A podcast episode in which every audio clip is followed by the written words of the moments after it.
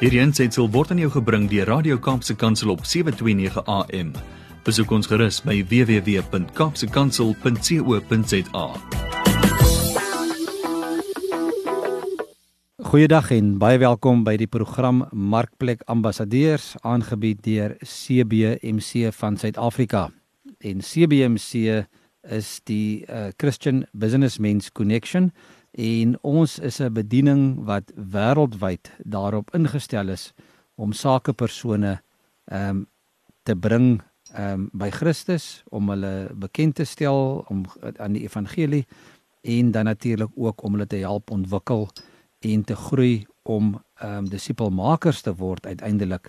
Ons is 'n evangelisasie en disipelmaking organisasie of bediening as jy wil wat daarop gefokus is om mense te help, sakepersone te help om op te tree um, in hulle elke dag se lewe as ambassadeurs vir Christus. En dit is ook hoekom ons program se naam is um, Markplek Ambassadeurs want daar waar ons elke dag beweeg, um, moet ons ook hom verteenwoordig. Ehm um, en die van julle wat gereeld luister sal weet dat ons ehm um, praat met gaste in hierdie program wat ehm um, optree as ambassadeurs en wat ook 'n bydrae lewer om ambassadeurs te help ontwikkel en wat ook hand aan hand werk saam met ons. Ehm um, vanoggend is dit weer of vandag is dit weer my voorreg om te gesels met uh, Tabo Mashlobo. Uh, Tabo is 'n man met wie ons nou al 'n paar keer gesels het en wat min bekendstelling nodig het en as jy meer van Tabo wil wil weet of bietjie meer gaan luister na sy vorige opnames is jy welkom op op die Kaapse Kansel uh, webwerf te gaan en daarna die podcasts en bietjie te gaan sy naam intik daar onder CBC se program en te gaan luister. Tabo se man wat al 'n paar boeke geskryf het um, oor ekonomie het hy geskryf um, en hy het nou 'n baie interessante een geskryf so 'n jaar of wat terug oor vaderskap en ons het die vorige 2 weke bietjie met hom gesels daaroor en gaan vandag uh, die praatjie afsluit um, oor sy boek wat hy geskryf het oor wat se naam is Daddy Please Come Home. Maar voordat ek te veel praat, ehm um, Tabo, ek moet net vir jou ook daarom hallo sê and welcome to the program Tabo. Yes, uh thank you very much once again. Good uh, morning. Right, Tabo, we we spoke last time um we started to chat about this book, Daddy Please Come Home, and the whole story why you wrote this book, and and we looked at the, towards the end of last week's program at some figures and some statistics, how actually how bad the situation actually is in our country with fatherlessness. Um, do you want quickly just want to recap what the what the what the big picture is at, at this stage in our country with, with, with the amount of children that actually grows up in houses without without their fathers. Mm, mm. Sure.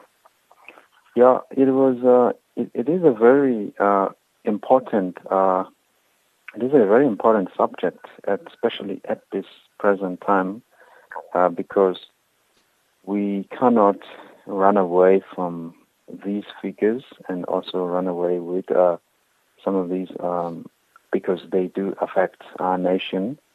Uh, so I think last week we actually touched more on the book where we were saying that basically, uh, in, in fact, I mean, there has been some changes also. I mean, but on the book, you know, we had implied that around about 57% of the kids in South Africa, you know, they grow up in homes with absent fathers. But mm. actually, you know, there are some other details that are saying it might actually be even over 60%, you know, where we're looking at, say, 62%, where you've got, you know, the rate of really fathers being absent. Uh, that's what we are talking about. So there are many reasons. It could be that the father, you know, passed, passed away, or it could be that the father is around, but, you know, he just abandoned their responsibility of being a father to a child.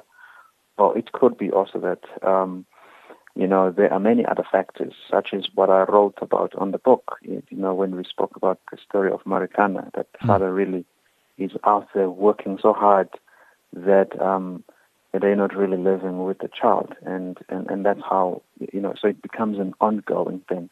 But the reality is that we do have a high absence of fathers you know, fathers in our, in our nation. And it's not just our nation, but it's just an African continent. And, and, and I've also realized that it's not just in an African continent. My colleagues in, in Georgia, Atlanta, they're also saying that they are seeing this. It, it is really a, a trend that you find it uh, everywhere now. So this is a worldwide trend, um, Thabo. Um, do, do you think the, that we also can look at maybe a spiritual um, reason for this? That that fathers just don't have the right uh, connection or relationship with the heavenly Father, and that is why they also don't um, fully understand their responsibility towards their children. I mean, um, I mean, I mean, we can look at many things spiritually. Yes, um, because all fatherhood is derived from from God as a father. That is something that's very, very uh, critical, you know. And but also we can we can also look at the fact that you know spiritually the the enemy has always been against family. Mm. You know, Satan has always been against family, and he has always been against men or male. Mm. You know, you know the story when Moses was about to be born you know, um, there was a, a declaration that all male children must be killed, even when Jesus was about to be born. So there's always an agenda to annihilate uh, males, and if they can't do it that way, so it can then be also from a cultural point of view. We know that the cultural Marxist agenda, it actually is one of the biggest also problems that does not recognize the structure of family. And so our, our, our, societies obviously have been inclined into some of these ideologies, and you find that family is no longer really defined in a proper setup. It's now the definition has changed when you talk about family, on what's a family. So, so there's a there's a battle happening spiritually, politically, mm-hmm. and just just society understanding what is a family? The definitions now are relative. Yeah. You no longer have absolute definitions of what's a family. Yeah, yeah. But Thabo, and and then um, I think it was last year. Uh, something um, happened in our parliament where we actually had the first time that uh, that a bill was passed uh, from an opposition party that brought it to parliament, and that was about paternity leave. In other words, to yes. actually bring back the father to the family and also into the into the baby's life, especially for the first few few days of after birth. And in your book, you you you write benefits of the father's involvement in the first 1,000 days. That is in about the first two and a half years after a child is born. Um, and and some of the barriers that limit father involvement in that in that first 1,000 days. Um, do you want to do you want to quickly run run with us through that uh, uh, about the the uh, benefits and the and the barriers that we can just understand wh- what is the importance of a of a father that's involved in in his young baby's life as well. Sure. Yeah, that's some. I mean, that was one of the most successful thing that happened. Um, my colleague um, Cheryllyn Dudley, you know, really how she really worked tirelessly, obviously, to ensure that this bill comes to pass and all that with uh, obviously the party that was involved. And uh, it was really about to say, how about really we have, we make sure that there's some parental leave or adoption leave, you know, you know, where parents can really be available in terms of their children. Because you know that, um, it, you know, I have three children, and as soon as my, when my wife was pregnant and she was giving birth, I had, uh, I think, around about five days of paternity where you could be at home, which are paid for. And I think the bill really introduced even this kind of like more days, at least where one can really be available. Which it's not a it's not a big thing, but I think it's a big thing. It's a good step in the right direction mm. to really say fathers have to be present, even right there during the, the, the time when you're giving birth. I was there at the hospital all the way I, you know, I saw my baby and I made sure that, you know, and, uh, and so now on the, one of the research also done by gender, you know, Sisonke Gender, you know, also organization, they looked at some of the benefits of father involvement in the first 1,000 days of a child. and they were saying that now obviously 1,000 days we are looking at probably uh, around about three years because a year is 365 days. So you're looking at uh, you, so so you're looking at basically uh, around about that how critical it is because that informs the first window of learning of a child and the development. And one of those was that uh, what we saw, I mean, I can say this practical even with us or with my wife, is that when the father is, is involved, you know, usually the, the, the mothers, they have a healthy pregnancy. There are no complications, you know, and, if, and, and there is a proper maternal health and well-being. And also the, the child is cared for. There's an infant care and well-being of a child. And you, also for us, the good thing is that you, you get to bond with the child. There's a father and child bonding that take place right from the beginning. Also with me, it started right when the, my baby was still in the in, in the womb because there will be lots of conversation that we have there, you know, even right before they are born. And there's a good relationship normally between a mother and a father. I know there are other contexts where you find that, you know, it's it's it's a child out of wedlock, and there the, the adults barriers, you know, that a whole also get into. Um, but in a setup where really mommy and daddy are there, there's always also the mom also tends to get good access to health service because daddy will take the mommy, you know, to ensure that she gets proper health care. And and the fathers, you know, are more healthy and they are more connected socially. You know, when you're at home uh, with the children and mommy and all that, there is a social capital relation that is there. And and, and it, it becomes a good time to start the, the long term involvement between you and the child. But then again, we've got challenges here in terms of barriers uh, as to, you know, there will always be things that limit that to 1,000 days. Number one, you find that the father and the child are not living together because of a lot of reasons. One of the reasons will be some of the cultural practice. In some of the cultural practice, if you impregnate someone outside marriage, there is uh, what we call um, things that have to be done before you can have access to your child. Number one, uh, there's what we call that's what we call in Zulu intlawulo.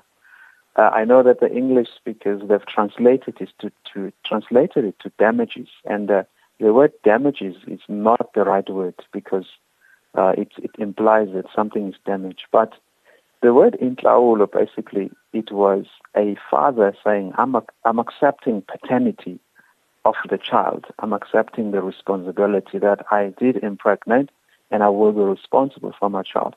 And so what happened is that because of the, sometimes we, they're non-compromising that they will not allow the father to have access to a child until he actually, you know, uh, sort that out. That has affected a lot of um, the father-child arrangement, and and it's something that's there. We cannot neglect it.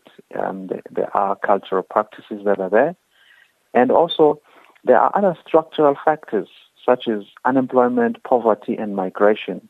The story of Marikana it shows you that the fathers they leave their villages, their homes, they go work in the mines, and whether a child gets born the mom is pregnant and they get born, they can't really come back to be part of that. So you find that they don't have access to the child because they are away. They're, they are making ends meet.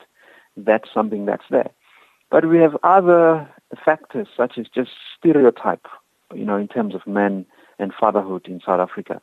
You know, you get men who just say, who just believe that it's a job of mothers to raise children you know, it's it's men should not be in the kitchen. Men should not be in a, in, you know, they say you know you are weak as a man when you're just always, you know, be with being with babies, with children, and all that.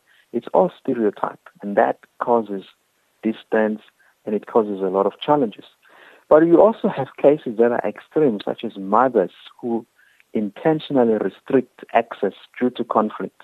Maybe when they were dating, uh, things didn't go, you know, the way they wanted, and then already the the the, the mother was pregnant, became pregnant, and now she's trying to punish the dad by restricting access. to the child. And uh, that again causes challenges where the mother tells stories that don't really exist to the child. And you find that the father wants to be there, but the mother is restricting and all that.